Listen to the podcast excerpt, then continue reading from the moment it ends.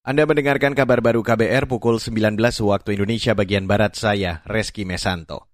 Saudara Komisi Pemberantasan Korupsi KPK meminta Majelis Hakim Pengadilan Negeri Jakarta Selatan menunda sidang perdana gugatan pra-peradilan yang diajukan bekas Bupati Tanah Bumbu Mardani Maming.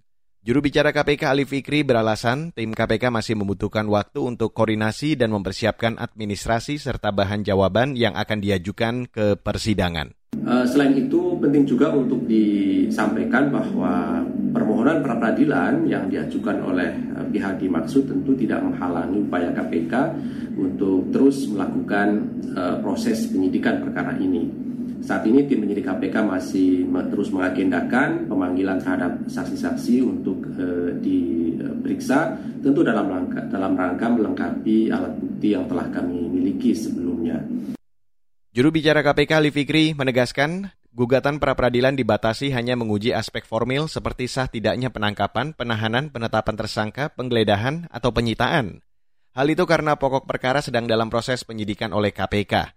Sebelumnya KPK menetapkan bekas Bupati Tanah Bumbu Kalimantan Selatan Mardani Maming sebagai tersangka kasus dugaan korupsi. Mardani diduga terlibat korupsi pemberian izin pertambangan di Kabupaten Tanah Bumbu pada 2011.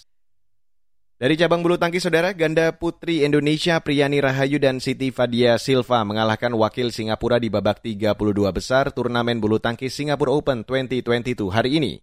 Apriani dan Fadia menang dengan skor 21-19 dan 21-18 dalam waktu 22 menit. Kemenangan tersebut membawa Apriani dan Fadia melangkah ke babak 16 besar. Hasil positif juga diraih ganda putri Indonesia lain, Febriana Dwi Puji Kusuma dan Amalia Cahaya Pratiwi. Febriana dan Amalia menang mengalahkan ganda putri Indonesia Melanie Mamahit dan Triola Nadia dalam tiga set.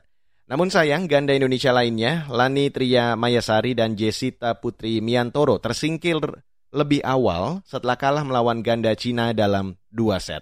Terima kasih Anda sudah mendengarkan kabar baru yang dipersembahkan oleh kantor Berita Radio. Saya Reski Mesanto.